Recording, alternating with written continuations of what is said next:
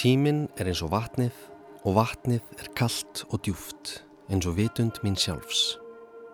Svo orti skáldið Steitt Steinar í ljóðaborkinum Tíminn og vatnið, tímamótaverki í íslenskri bókmyndasögu sem kom út árið 1948 og ruti brautina fyrir atomljóðið.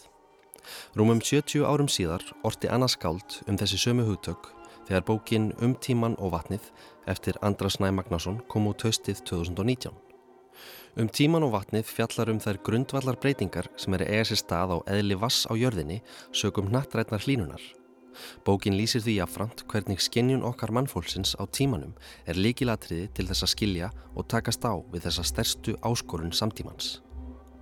Kæru hlustendur, eins og með öll stór málefni þá þarf meira en bara eina bók eða einn útvarstátt til að skilja þau til hlítar og málefnið sem hér likur fyrir, lofslagsbreytingar af mannavöldum, er án efa stærsta málefni okkar tíma. Til að vitna í andrasnæ þá eru breytingarnar sem við stöndum framifyrir flóknari en flest það sem hugur okkar er vanur að fást við. Þær eru stærri en öll fyrir einsla okkar, stærri en tungumálið og flestar myndkverfingar sem við notum til að skilja veruleikan. Ég heiti Þorvaldur Sigurbjörn Helgason og verið velkomin í þáttaröðina Orðin sem við skiljum ekki. Í þessum þáttum ætla ég að fjalla nánar um tíman og vatnið, kafa dýbra í helstu umfjöllunarefni bókarinnar og heyra frá fólkinu, vísindamönunum, heimsbyggingunum og aðgerasinnunum sem hafa helgað lífsett því að rannsaka málefni sem eru stærri og flóknari en orð fá líst. En áður en við hefjum standa, skulum við byrja á því að heyra nokkur orð úr bókinni um tíman og vatnið, lesin af höfundinum, Andrasnæ Magnasinni. 99,99% af öllum dýrategundum sem hafa lifað á jörðinni hafa dáið út. Eina vannari hverfaðir af náttúrulegum ástæðum verða undir í samkeppni eða lenda í þróunarlegu öngstræti. Það getur tekið 10.000 ár fyrir tegund að loknast út af, en stundum er það vegna stóratburða, útrýmingavöldum, risa eldkosa eða árakstra við smástyrni. Talið er að fimm slíkar hrinur hafði orðið á nokkur hundru miljónar fresti og svo sjöttas í hafinn af okkar völdum.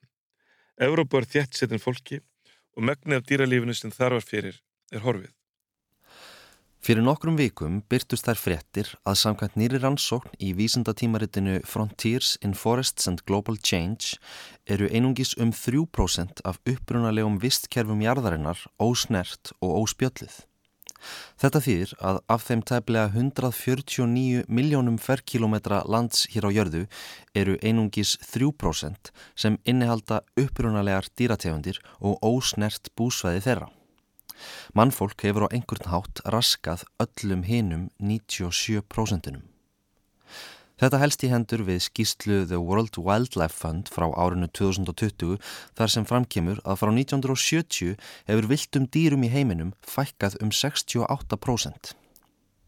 Það er litlu eigjar af óbyggðum sem enn hýsa vilta dýrastofna er einna helst að finna í frumskóum Amazon og Kongo, skóum á freðmýrum Östur Sýberíu og Norður Kanada og Sahara-eðimörkinni. Slík viðáta er að mestuleiti horfin í öðrum heimslutum djúpa og dularfulla skóa mið Evrópu sem Hans og Greta, Rauðetta og Mjallkvít hættu sér um er nú fremur að finna á síðum ævintýrabókana en ekki í raunveruleikanum. Þessi eyðing vistkerfa hefur bæði átt sér stað á beinanhátt, til dæmis þegar þrá okkar eftir verslunamiðstöðum og íbúðarhúsnæði hefur sópað burt kjörlendi dýra og á óbeinanhátt þegar áður óþektar og ágengar tegundir eins og til dæmis kanínur í Ástralíu hafa rústað heilu vistkerfunum á landsvæfum þar sem þær hafa verið innleitar. Þarna spila svo auðvita líka inn í veldisvaksandi útöði dýra og plöntutegunda hinn svo kallaða sjötta fjöldaútrýming sem vofir nú yfir öllu lífi hér á jörðu. Ég fór í heimsókn í Öskju í Háskóla Íslands og heiti þar Þóru Ellen Þóraldsdóttur, professor í líffræði og grasafræði. Við skulum heyra hvað hún hefur um sjöttu fjöldaútrýmingunu að segja. Það er talið um að nú sé að eiga sérst að sjötta fjöldaútrýming tegunda. Eh, Sambarleir atbyrgur hafa gerst, í, gerst fimm sinum aður. Hver er munurinn á, á fjöldaútryminginu sem er að esast að núna og, og hinnum fimm? Eh, Kanski fyrst, sko, mér sendamenn er ennþá að deilum hvort þessi sjötta útrymmingaralda sé byrjuð eða ekki og það er þá miða við það að, að sko, þetta teljist ekki svona massa útrymminga eða fjöldaútrymming fyrir en að 75% tegunda hafa dáið út, það er rosalega mikið sko. Við erum að nálgast það fyrir suma hópa, svona litla hópa lífera. Við erum ekki komið ángað en þá, en við stefnum ángað. Kanski jafnvel á, ef ekkit breytist á þessari öld. En munurinn á þessari útrymmingaröldu og hinnu fyrri er auðvitað sá að e, núna er það ein tegund livera af þessum kannski 10 miljón tegundum heilkjörnunga sem að byggja þessa jörð. Nú er það ein tegund, það er að segja maðurinn, sem býr þessa útrymmingaröldu til. Það talaði um að, að týjir og allt upp í sko 200 tegundir sé að deyja út á degi hverjum. Það hljóma náttúrulega alveg yfir þyrmandi en flestar þessara tegunda höfum við eftir við lenga hugmyndum. Það hafa ekki verið skrásættar jafnvel. Hverslas tegundir eru þetta? Það er þetta að svara þessu á ímsan háttuvist um, hvar, ef maður spyr fyrst, hvar í heiminum eru þessar tegundir? Þá eru þær fyrst og fremst í hittabelti og þar eru þeir að deyja út fyrst og fremst vegna þess að það er verið að eidilegja búsvæðið þeirra, uh, brjóta þið upp þannig að það eru bara skildar eftir littlar og einangraða búsvæði eigar sem að uh, yfirleitt eru bara allt og littlar til að bera lífvanlega stopna sérstaklega stórra dýra til framtíðar. Við getum líka spurt á hvers konar landi eru þessar lífveru sem að hafa dáið út og þá uh, kemur í ljós, sérstaklega hvað var það fuggla, að lang flesta fugglategundir sem hafa dáið út á síðustu 200 árum hafa verið á litlum einangröðum útafsegjum. Og þar er það ekki búsveða eyðing sem að skipti mestumáli Eh, mjög oft er þetta vegna þess að það hafi verið fluttar inn tegundir á þessar viðkvæmu eigjar sem að vantar yfirleitt efsta hlutan á fæðukæðinu hafi verið fluttar inn róttur eða, eða söðfje eða annað búsmali og þessi fugglar eru stundum geta ekki flóið og verpa á jörðunir eru mjög viðkvæmir fyrir svona röskun. Og uh, síðan getur við líka spurt og hvers konar lífurhópar eru það sem að, að, að deyja út. Þetta kemur líka rosa misþungt niður á hinnum ymsu dýrahópum. Uh, kemur mjög þungt niður á blómplöndum, kemur þungt niður á ymsum hópum sem að til dæmis hjá dýrum eru langlífir, þurfa stór óþöl, þurfa stórt svæði, eru ofalegi fæðukeðjunni, ægslast hægt það var allir með spendir sem hafa langa meðgöngutíma að eignast eitt afkvæmi. Þannig að þar getur við tekið til dæmis eins og sæskjaldbökur, mjög mörg af okkar svona stóru og, og íkonísku spendirum eru komin á lista yfir dýri útrymmingarhættu, mannabarnir, e, gírafar, tígristýr, nasitningar og svo framvegis.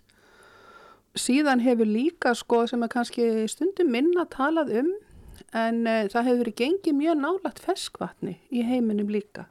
Við tölum svona meira kannski mest um þessi stóru svona, já, íkonísku dýr, minna um plönturnar en kannski hefur lífið í feskavatninu fengið minsta aðtegli en það er margt sem bendir til þess að það hafi samt í raun að veri verið gengið næst því lífbelti eða því sem sagt uh, lífríki.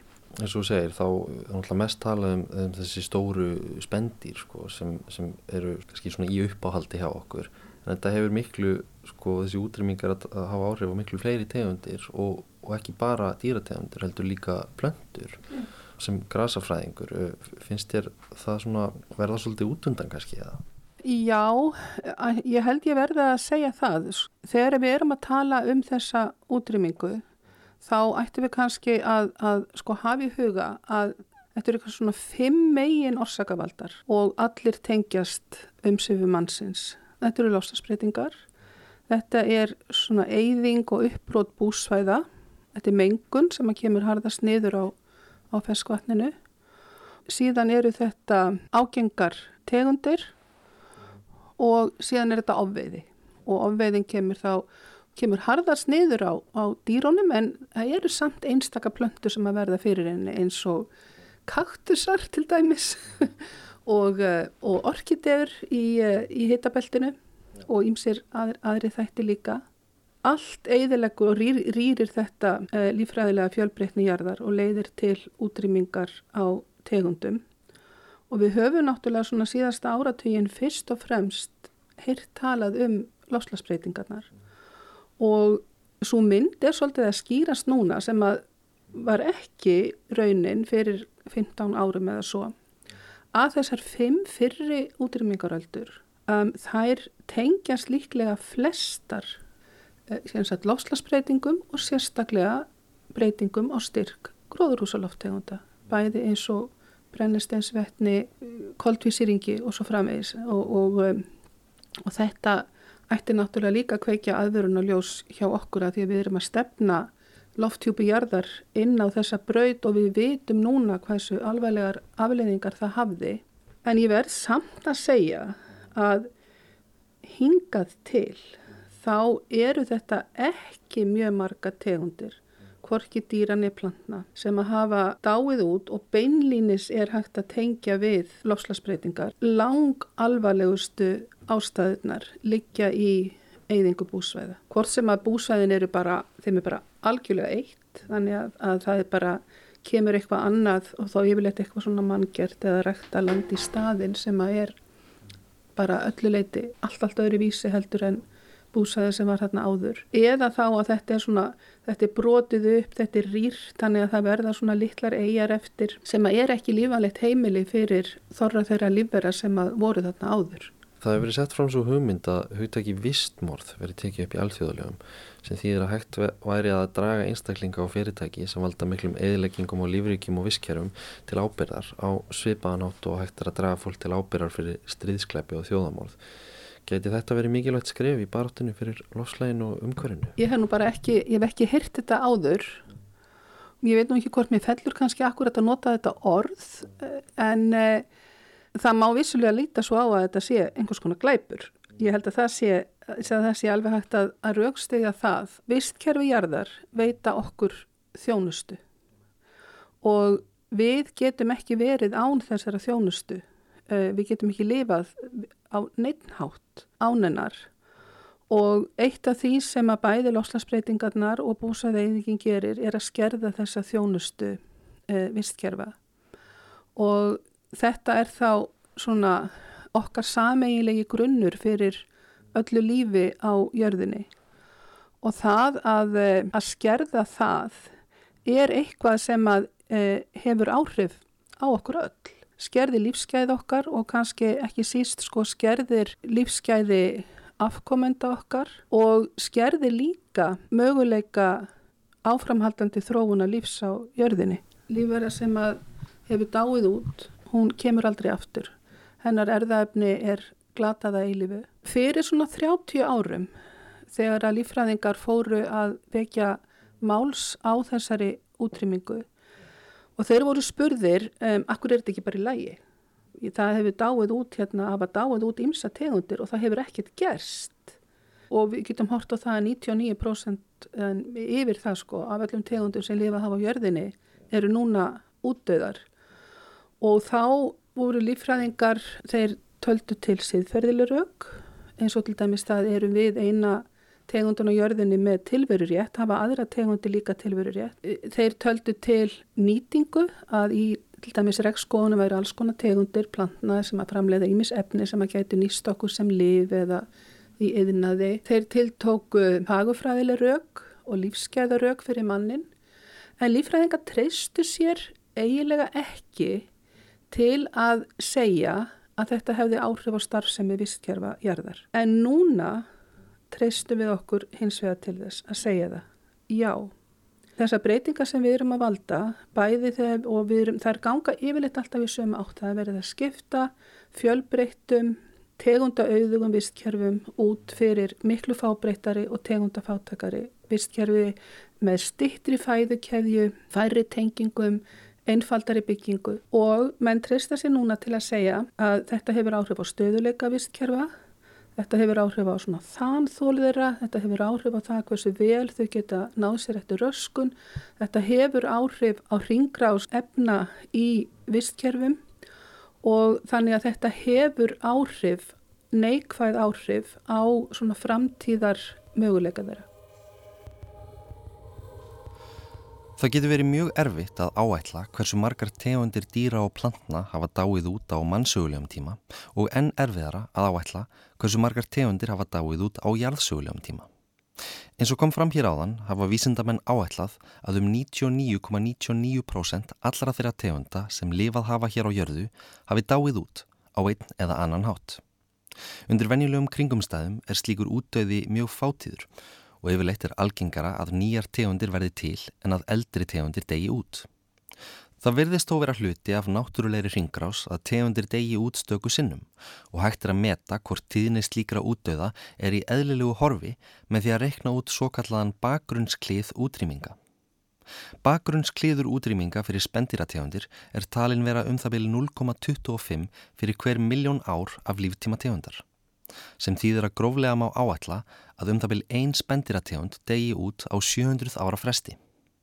Samkvæmt alþjóðlegu náttúruvendarsamtökunum IUCN hafa hins vegar 85 spendirategundir dáið út frá árunnu 1500, svo ljóst er að fjöldin er mun meiri en bakgrunnskliðurinn gerir ráð fyrir. Sumir vilja jafnvel meina að tíðnin sé þúsund sínum herri en eðlilegt geti talist. Í mars síðastlinum bárust þær fregnir að ástrálska ríkistjórnin hefði staðfest útdauða 13 dýrategunda, þar af 12 spendýrategunda sem veitt hefur Ástralíu þann vafasama heiður að geta kallað sig höfuðstað heimsins þegar kemur að útdauða spendýra. Á meðal hérna útdauðu tegunda eru pipistrell leðurblaka sem hafði aðsetur á jólaei, eigðimerkur betong sem var eins konar pokarotta og nokkrar músategundir. Eins og Þóra Ellen nefndi hér áðan kemur lífvera sem dáið hefur út aldrei aftur. Erðaefni hennar er glatað að eilífu. Það er því ljóstað í hvert sinn sem lífvera deyr út er það mikill missir fyrir lífrikið, hvort sem tegundirnar eru frægar og dáðar eins og pandabjörnin eða einangraðar og óþektar eins og jólaeigjar pipistrell leðurblakkan. Það er líka mikilvægt að hafa í huga í ljósi hinnar yfirvóðandi fjöldaútrýmingar að þó svo að kólefnis útblástur mannkinsins undanfærin 250 ár hafi hraðað þessari þróun til muna þá hefur mannkinnið í raun stuðlað að útrýmingu tegunda allt frá því það steg fyrst fram á sjónasviðið. Útrýmingu megafánunar, stóru spendýrana sem reður ríkjum á forsögulegum tíma, má greina nánast samhliða landnámi mannkinnsins um jörðina. Sverðkötturinn, mastodonfílinn og risaleitidýrið voru til að mynda öll útdauð löngu fyrir tíma siðmenningarinnar og að öllum líkindum voru það við mennirnir sem veittum þessum tegundum náðar höggið. Ísraelski sagfræðingurinn Yuval Noah Harari orðað það svo í bóksinni Sapiens. Óhjákvæmileg niðurstaða er svo að fyrsta bylgja landnáms Sapiens hafi verið einar hröðustu vistfræðilegu hamfarir sem dýraríkið hafði nokkru sinnu orðið fyrir. Stór og loðendýr urðu verst úti. Um það leiti sem vitsmunabildingin varð var jörðin heimkynni um 200 ættkvísla stóra landspendýra sem vóu yfir 50 kíló En þegar landbúnaðarbyltingin gekk svo í gard voru þær ekki nema um það byl hundrað. Homo sapiens ollu útrymmingu nánast helmings af stórum dýratögundum jarðar, lungu áður en maðurinn fann upp hjólið, reytun eða verkfæri úr járni. Það er þó mikilvægt að einblýna ekki engungu á einn íkonísku spendir sem eiga svo auðvelt með að fanga aðtikli okkar, því sjötta fjöldaútrymmingin einskorðast svo sannarlega ekki við þau. Mart bendir til þess að hryggleysingjar og skordýr séu þau dýr sem komi einna verst út úr yfirstandandi útrýmingarhinu en á sama tíma fá þau sennilega minsta aðtekli frá almenningi og dýravendunarsamtökum. Samkvæmt alþjóðlegri yfirlitsrannsókn sem gefin var út í vísindatímaritinu Biological Conservation eiga rúmlega 40% skordýrategunda á hættu að deyja út á næstu áratugum og skordýrum í heiminum fækkar að meðaltali um 2,5% á hverju ári. Þetta þýðir að ef framheldur sem horfir þá verða skortýr hugsanlega horfin af yfirborðjarðar innan næstu hundrað ára. Skortýr eru langsamlega fjölbreytasta og stærsta ættkvísl dýra hér á jörðu en talið er að alltaf 80% allra tegunda séu skortýrategundir. Það segir sig því sjálft hversu mikið er í húfi haldi skortýrategundum áfram að nigna á sama hraða. Það mikilvægasta í þessu samingi er þó að átta sig á því að eins mikið og við viljum trúa því að mannfólkið sé hinn útvalda tegund, hinn ósnertanlegi efsti toppur fæðukæðunar, þá byggist lífsafkoma okkar að öllu leiti á því vistkerfi sem við tilherum. Eins og Þóra Ellen orðaði það hér áðan, veit að vistkerfi gerðar okkur þjónustu og við getum ekki lifað á neitthátt án þessarar þjónustu. Við reyðum okkur á svifþörunga til að framleiða súrefni, tré til að reynsa andrumsloftið og bíflugur til að frjófka gremmiti og ávexti. Í nokkur hundruð ár höfum við menninir látið eins og við séum algjörlega aftengdir þessu kerfi og komið fram við það af fullkominni mannrækslu og hyrðuleysi. En jafnvel þótt við séum efsta greinin á lífsins tré, þá eru við samt sem áður bara grein og ef við högum tréð, þá föllum við með því. Til að ræða þessa aftengingu mannkinsins við sínar eigin rætur og hugsanlega fá einhver sör um hvernig hægt er að spórna gegn henni, leitaði ég til Sigriðar Þorgestóttur, professors í heimsbyggi við Háskóla Íslands. Við skulum heyra smá af spjalli okkar Sigriðar. Sigriður nú hafa vísindin á bakvið lofslagsbreytinga verið þekkt í áratugi og það er lunga verið ljósta með bruna kólefna eldsneitis og losum gróðrúsuloftegund og andrumsloftið hefur mannkinn haft óafturkræf áhrif á allt lífriki jarðarinnar. Þetta er náttúrulega gríðalega stórt viðfánsefni og það getur verið erfitt fyrir leikmenn að átta sig á heldamendinni. En hvernig getur heimsbyggin hjálpað okkur að skilja þetta og takast á þetta? Já, heimsbyggin byrjar á því að sjá einhvern vanda og kannski er einn helsti vandin í þessum stóra máli að það eru of stórt. Við náum ekki utanum vandan.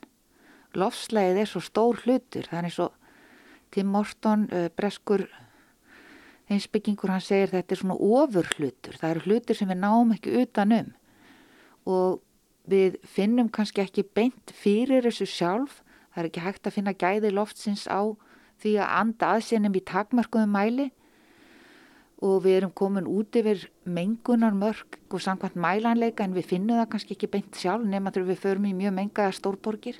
Vissulega erum við farin að finna fyrir þessu mjög en okkar líf heldur áfram, það heldur allt áfram og okkur finnst við fá litlu breytt að við sem einstaklingar séum svo lítils megnug. En það skiptur auðvitað miklu máli að við uppfræðum okkur sjálf og reynum að gera eitthvað sjálf eftir besta megni en við verðum líka að það þetta verður að haldast í hendur við einhverja kerfisbreytingar og einhverjar hugarfarsbreytingar líka. Nú vilja margir vísendamenn meina sjötta fjöldaútryming dýrategunda sé að eiga sér stað. Á hverjum degi degja út hundruði dýrategunda og sumar jafnvel áður en við náum að skrásetja þær. Já, þetta er, er sagt að þessi kannski jafnvel 150 líf, hérna, tegundi lífur að degja á hverjum degi og þetta er eitthvað sem að hérna ætti að veikja okkur auk en aftur er þetta svo háartölur og svo mikið að það er einhvern veginn þessi mannlega sál sem við erum, hún er einhvern veginn ekki utan með þetta. Og það er líka kannski einn hluti vandans er sá að við tölum um lausnirnar í, á svona hagrænum nótum. En við hugsaum um Parísa samkómulægið þá snýst það um losun og það er byggt á hérna svona hagrænu líkani að þjóðir hafi losunar kvóta og þessi kvóti getur jáfnvel gengið kaupum og sölum. Þannig að við einhvern veginn ímyndum okkur einhver hag, hagkerfi sko ráði við vandan og þessum hætti vissulegur mikilvægt að minga losun koltvísirings út í andrumslofti en þetta er svo miklu djúbrættari vanda að mínu mati og við náum held ég ekki utanum hann og við náum ekki heldur að taka vel á móti þeim miklu breytingum sem eru framöndan, jáfnveil hruni samfélaga, nema við breytum einhverju í afstöðu okkar til okkar sjálfra og lítum bara á hvernig samband okkar við náttúru hefur verið háttað. Við erum aftengt, peningakerfi, hagkerfi eru aftengt náttúrunu, komin úr öllu hlutfalli við hana og þetta á rætur í því að maðurinn hefur litið á sig sem herra jarðarinnar. Og þetta gerist náttúrulega með upplýsingu sem byrjar á fortgrískun tíma, með vísindabildingu, eh, með tilkomu trúarbragða, eh, abrahamísku trúarbragðana, að við förum að líta á okkur sem einhvern veginn aftengt jörðina með algjera sérstöðu á jörðinni sem hérna eina lífverðan sem er sköpið í ímynd Guðs sem er náttúrulega mjög þraungur skilningur og svo kemur einhver vélheikja upp að við förum að líta á náttúruna á nýjöld bara svona eins og vél að dýr séu sálarlausar vélar og hvað þá plöntur. Og hérna vissulega hafa verið til frávik frá þessu eins og í hugmyndu Frans frá Assisi eða í hugmyndum og heimsbyggi Hildegard von Bingen á miðöldum að öll sköpun jafn mikið rétt á sér að öll sköpun sé jafn merkileg að við séum hluta miklu stærri keðju. Við, en við höfum ennþá fram á þennan dag verið að líta á okkur sem umsjónamann jarðarinnar að við höfum algjör að sérstöðu. Og þetta samræmis bara til dæmis ekki nútíma eða samtíma lífræði þar sem sérst að við erum háð öll öðru lífa á jörðinni hluta vistkerfi og eigum allt ok okkar undir því. En það er kannski líka eitthvað sem er komið svo langt frá okkar hugsunahætti að við eigum erfitt með að tengja einhvern veginn við þetta. Hver við erum. Að við erum skild steininum það eru steinefni í okkur. Við getum lært margt af plöntum. Við erum hluta af alheimi. Við þurfum að vika aftur út tilfinningu okkar fyrir því hvernig er ástatt með stöð okkar á jörðinni og við þurfum að, tengja við þetta og tengja við hvort annað. Auðvitað þurfum við líka að breyta kerfum. Ef að það eru svona fleiri, það eru fleiri hrun í uppsiklingu, við getum lítið á COVID sem ákveði efnagshrun, það eru þurkar í uppsiklingu, World Bank gerir ráð fyrir 100 miljón flóttamanna af völdum umhverfis vár núna bara á næstu árum, við verðum að bú okkur undir þetta og eitt sem, eitt, eitt liður í undirbúningnum er bara að búa til góð samfélag, að bæta samskipti, bæta hvernig við tölum hvert við annað, að losa okkur úr polariseraður umræðu sem að samfélagsmiðlar ala á, að losa okkur við ólíkarka sem öllu ráða, það er bara ólíkarkís kerfi í heiminu sem öllu ráða og við erum orðin einhver svona mótanlegur massi sem algoritmar stýra sem eru í eigu ólíkarka og borð við eigundu Facebook og Amazon og svona sem hafa auðgast mest á núna þessum nýju hamförum. Þannig að það er svo margt sem þarf að gerast. Allt frá því að breyta tilfinningu okkar fyrir okkur sjálfum, horfa öðru í svo annað fólk, vera berskjaldari, veri ekki í þessu samkefnisamfélagi sem hefur einhvern veginn stilt okkur upp í kappi hvert við annað að því það eru svo mikla breytingar í vandum. Það er gert ráð fyrir að við reynum að, losa, að hýtast í hækki ekki meir en tvær gráður á, á þessari öld. Það eru margi sem spá að það verði sex gráður og jáfnvel verstu spár gera ráð fyrir að það séu 20% líkur og að mannkinn haldi þetta ekki út. Mér finnst svolítið áhugavert þetta sem þú komst inn á hana, hvernig við þurfum að breyta einhvern veginn afstöðu okkar gagvart bara því hvernig við hugsaum um jörðina og hvernig við hugsaum um líka um samfélagið. Við þurfum að fara að hugsa hildrætnar og við erum lífum okkur svona ofur einstaklingsegju tímum. Hvað sér þið fyrir þér að sé hægt að gera til þess að breyta þessari, þessari hugsun? Breytingi þarf alltaf að koma úr tveimur áttum. Við þurfum einhvern veginn að breyta kerfum ef við byrjum bara peningakerfinu eins og ég sagði. Það er bara kerfi sem lifir eigin lífi og það gengur út á það að peningarnir flæða upp til þeirra sem mest eiga og við erum orðnar eins og bara einhverjar að vinna í þá þessa, þessari kerfa. Þetta er kerfi sem er komið úr öllu sambandi við jörðina. Þannig við þurfum að breyta hagkerfum. Um leið þurfum að breyta okkur sjálfum. Við þurfum að búa til góð samfélög þannig að við séum í stakk búin til að taka á móti miklum breytingum sem COVID er bara forsmekkur af.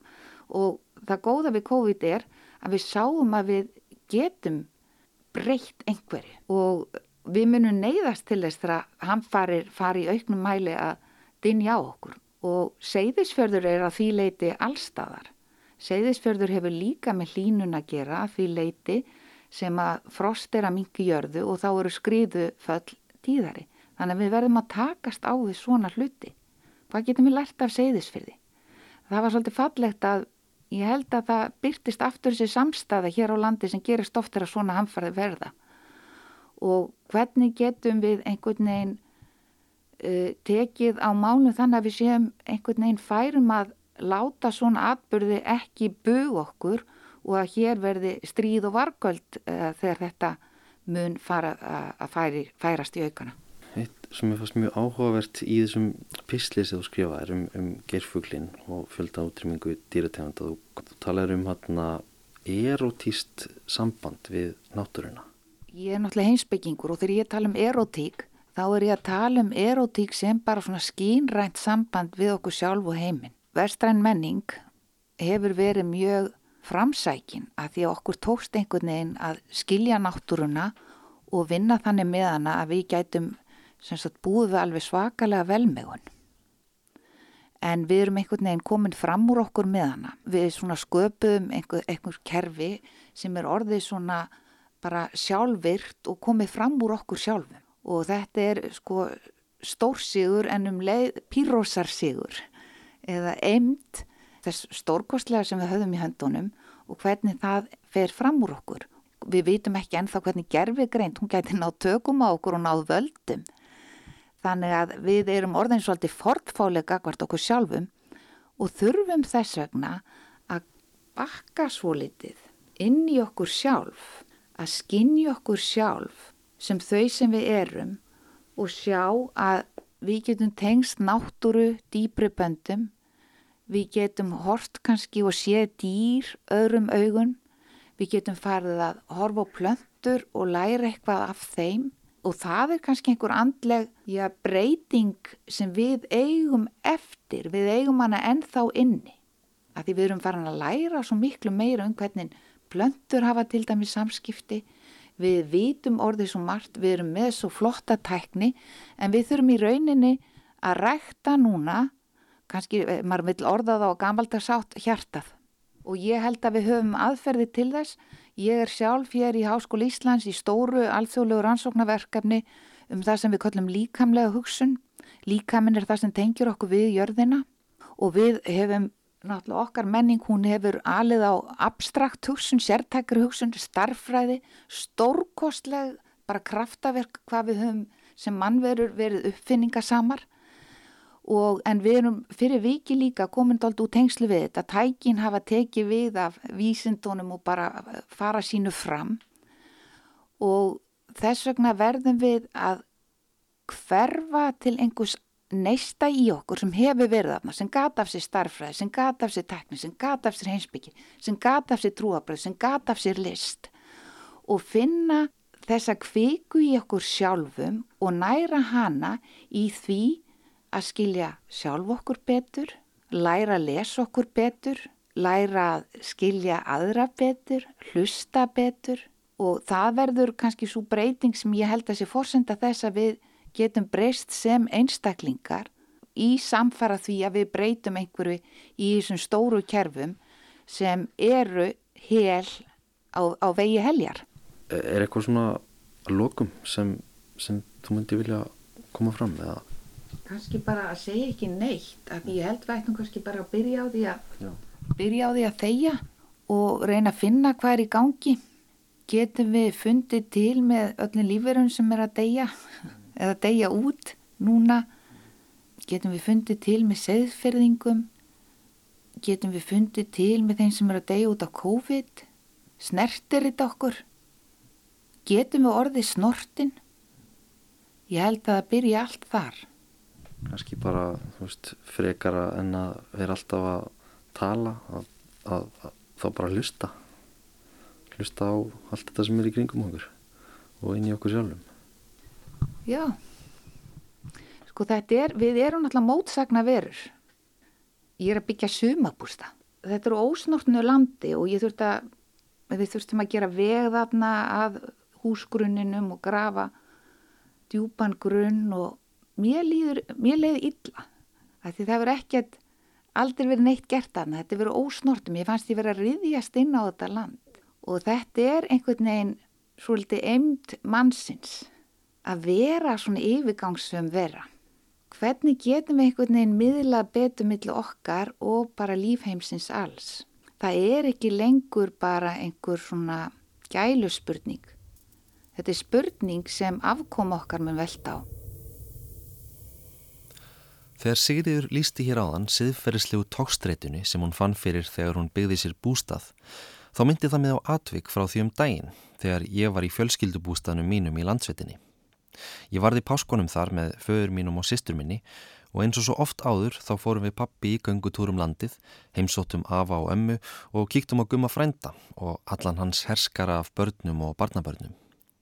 Þegar við gengum í gegnum rjóðrið sem liggur í áttað bústað afa og ömmu, benti pappi mér á nokkrar byrkirhíslur sem lágu í felum í háu grassinu. Þessar eru sjálfsbrotnar, sagði pappi kæruleysislega og helt göngunni áfram. Aðtjóðasemdin myndi mig á hversu ólíkt samband við fergarnir eigum við náttúruna. Ég hefði sennilega ekki einsunni leitt hugana þessum rævilslegu byrkirhíslum ef pappi hefði ekki bent mér á þær. Þegar ég spurði pappa út í það hversu margar trjátegundir væru að finna í kringum bústæðin stóð ekki á sörum. Ösp, byrki, reynir, víðir, greni, lerki og svo auðvitað eigin. Pappi plantaði henni í garskálanum fyrir rúmum ára tugi og þurfti svo nýlega að færa garskálan því hún var farin að sprengja húsið utan af sér. Sjálfur gæti ég sennilega ekki greint í sundur þessar trjátefundir þótt lífmitt lagi við en pappi horfur hins vegar öðruvísi á þessi tré. En það plantaði hann mörgum þeirra sjálfur og hefur fylst með þeim vaksa og dapna í áranar ás. Fæðir minn er alls engin kotbóndi sem lifir á landsins skæðum. Hann er að mörguleiti alveg mikið borgarbarn og sonur hans En ég veldi því fyrir mér hvað samband við náttúruna glatast þegar svona þekking erfist ekki á melli kynsluða. Í þáttáriðinni Hvað höfum við gert sem sínt var á rúf fyrir tveimir árum voru grunnskólabörn í 5. og 7. bekk beðin um að nefna annarsvegar nokkur frægustu vörumerki heims og hinsvegar nokkrar algengar trjá og gremmitistjáundir.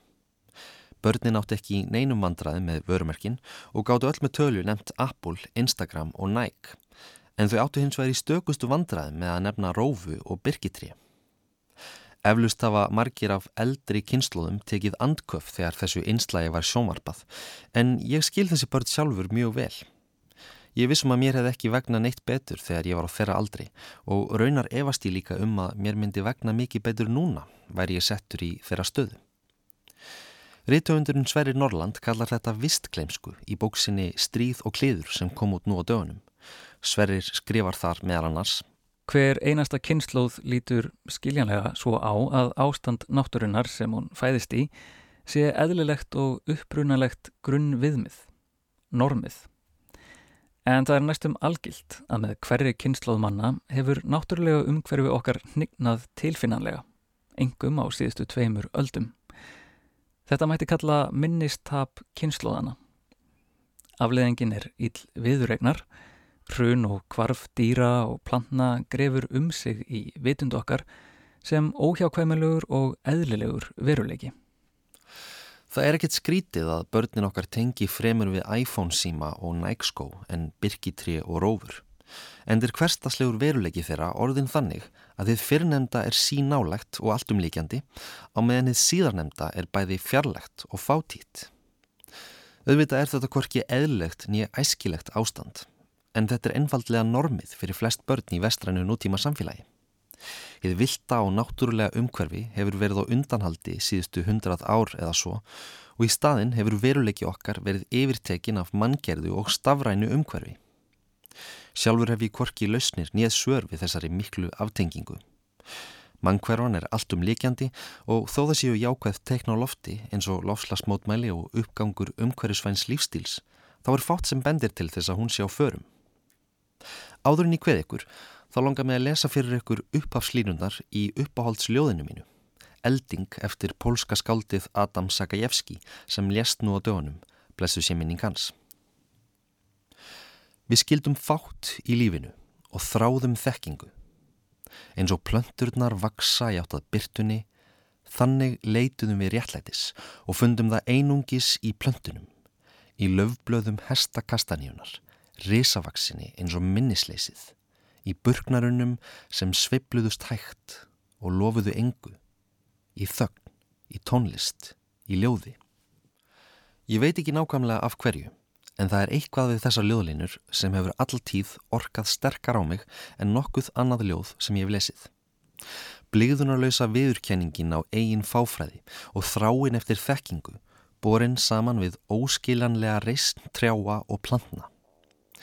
Ég finna þetta er eitthvað sem ég vil tilenga mér og ég vil þó þessi óröggrétt að leita einhver sem er jafn mannlegt og réttlæti í plöntum þá er það samt á einhvern nátt fullkomlega viðegandi. Eins og Andrisnær orðar þetta í um tíman og vatnið. Það er alveg sama hvert við spólum aftur í tíman. Náttúran hefur alltaf rétt fyrir sér. Hún var alltaf sönn og rétt. Við manginið eigum það til að vorkjana náttúrunni og hlúa að henni á yfirlætislegan hátt. Eins og hana varði eitthvað um samviskubið okkar og tilfinningar. Vissulega erum við að valda miklum spjöllum á náttúrunni en hún ásamt eftir að þrauka og gjörðir okkar koma verst niður okkur sjálfum og okkar minnstu bræðrum. Náttúran hefur alltaf rétt fyrir sér og mun halda áfram að dapna lungu eftir að við mannfólk hverjum af sjónarsviðinu. En ef við ætlum að þrauka, þá verðum við að koma á betri tengslum á milli okkar og öllu lífrikinu. Eins og Sigriður Þorgistóttir orðaði það, þá er þetta ekki bara einhver gæluspurning, heldur spurning sem afkoma okkar mun velta á. Ég held að við mannkinnið getum lært mikið af trjánum, þessum hnarreistu en kirlátu verum sem nærast á vatni og sólaljósi og gera fátt annað en að vaksa, löfgast og framleiða súrefni. Í það minnsta ættum við að hlusta á þau. Ég ætla allavega að reyna það, næst þegar ég fyrir bústæðin. En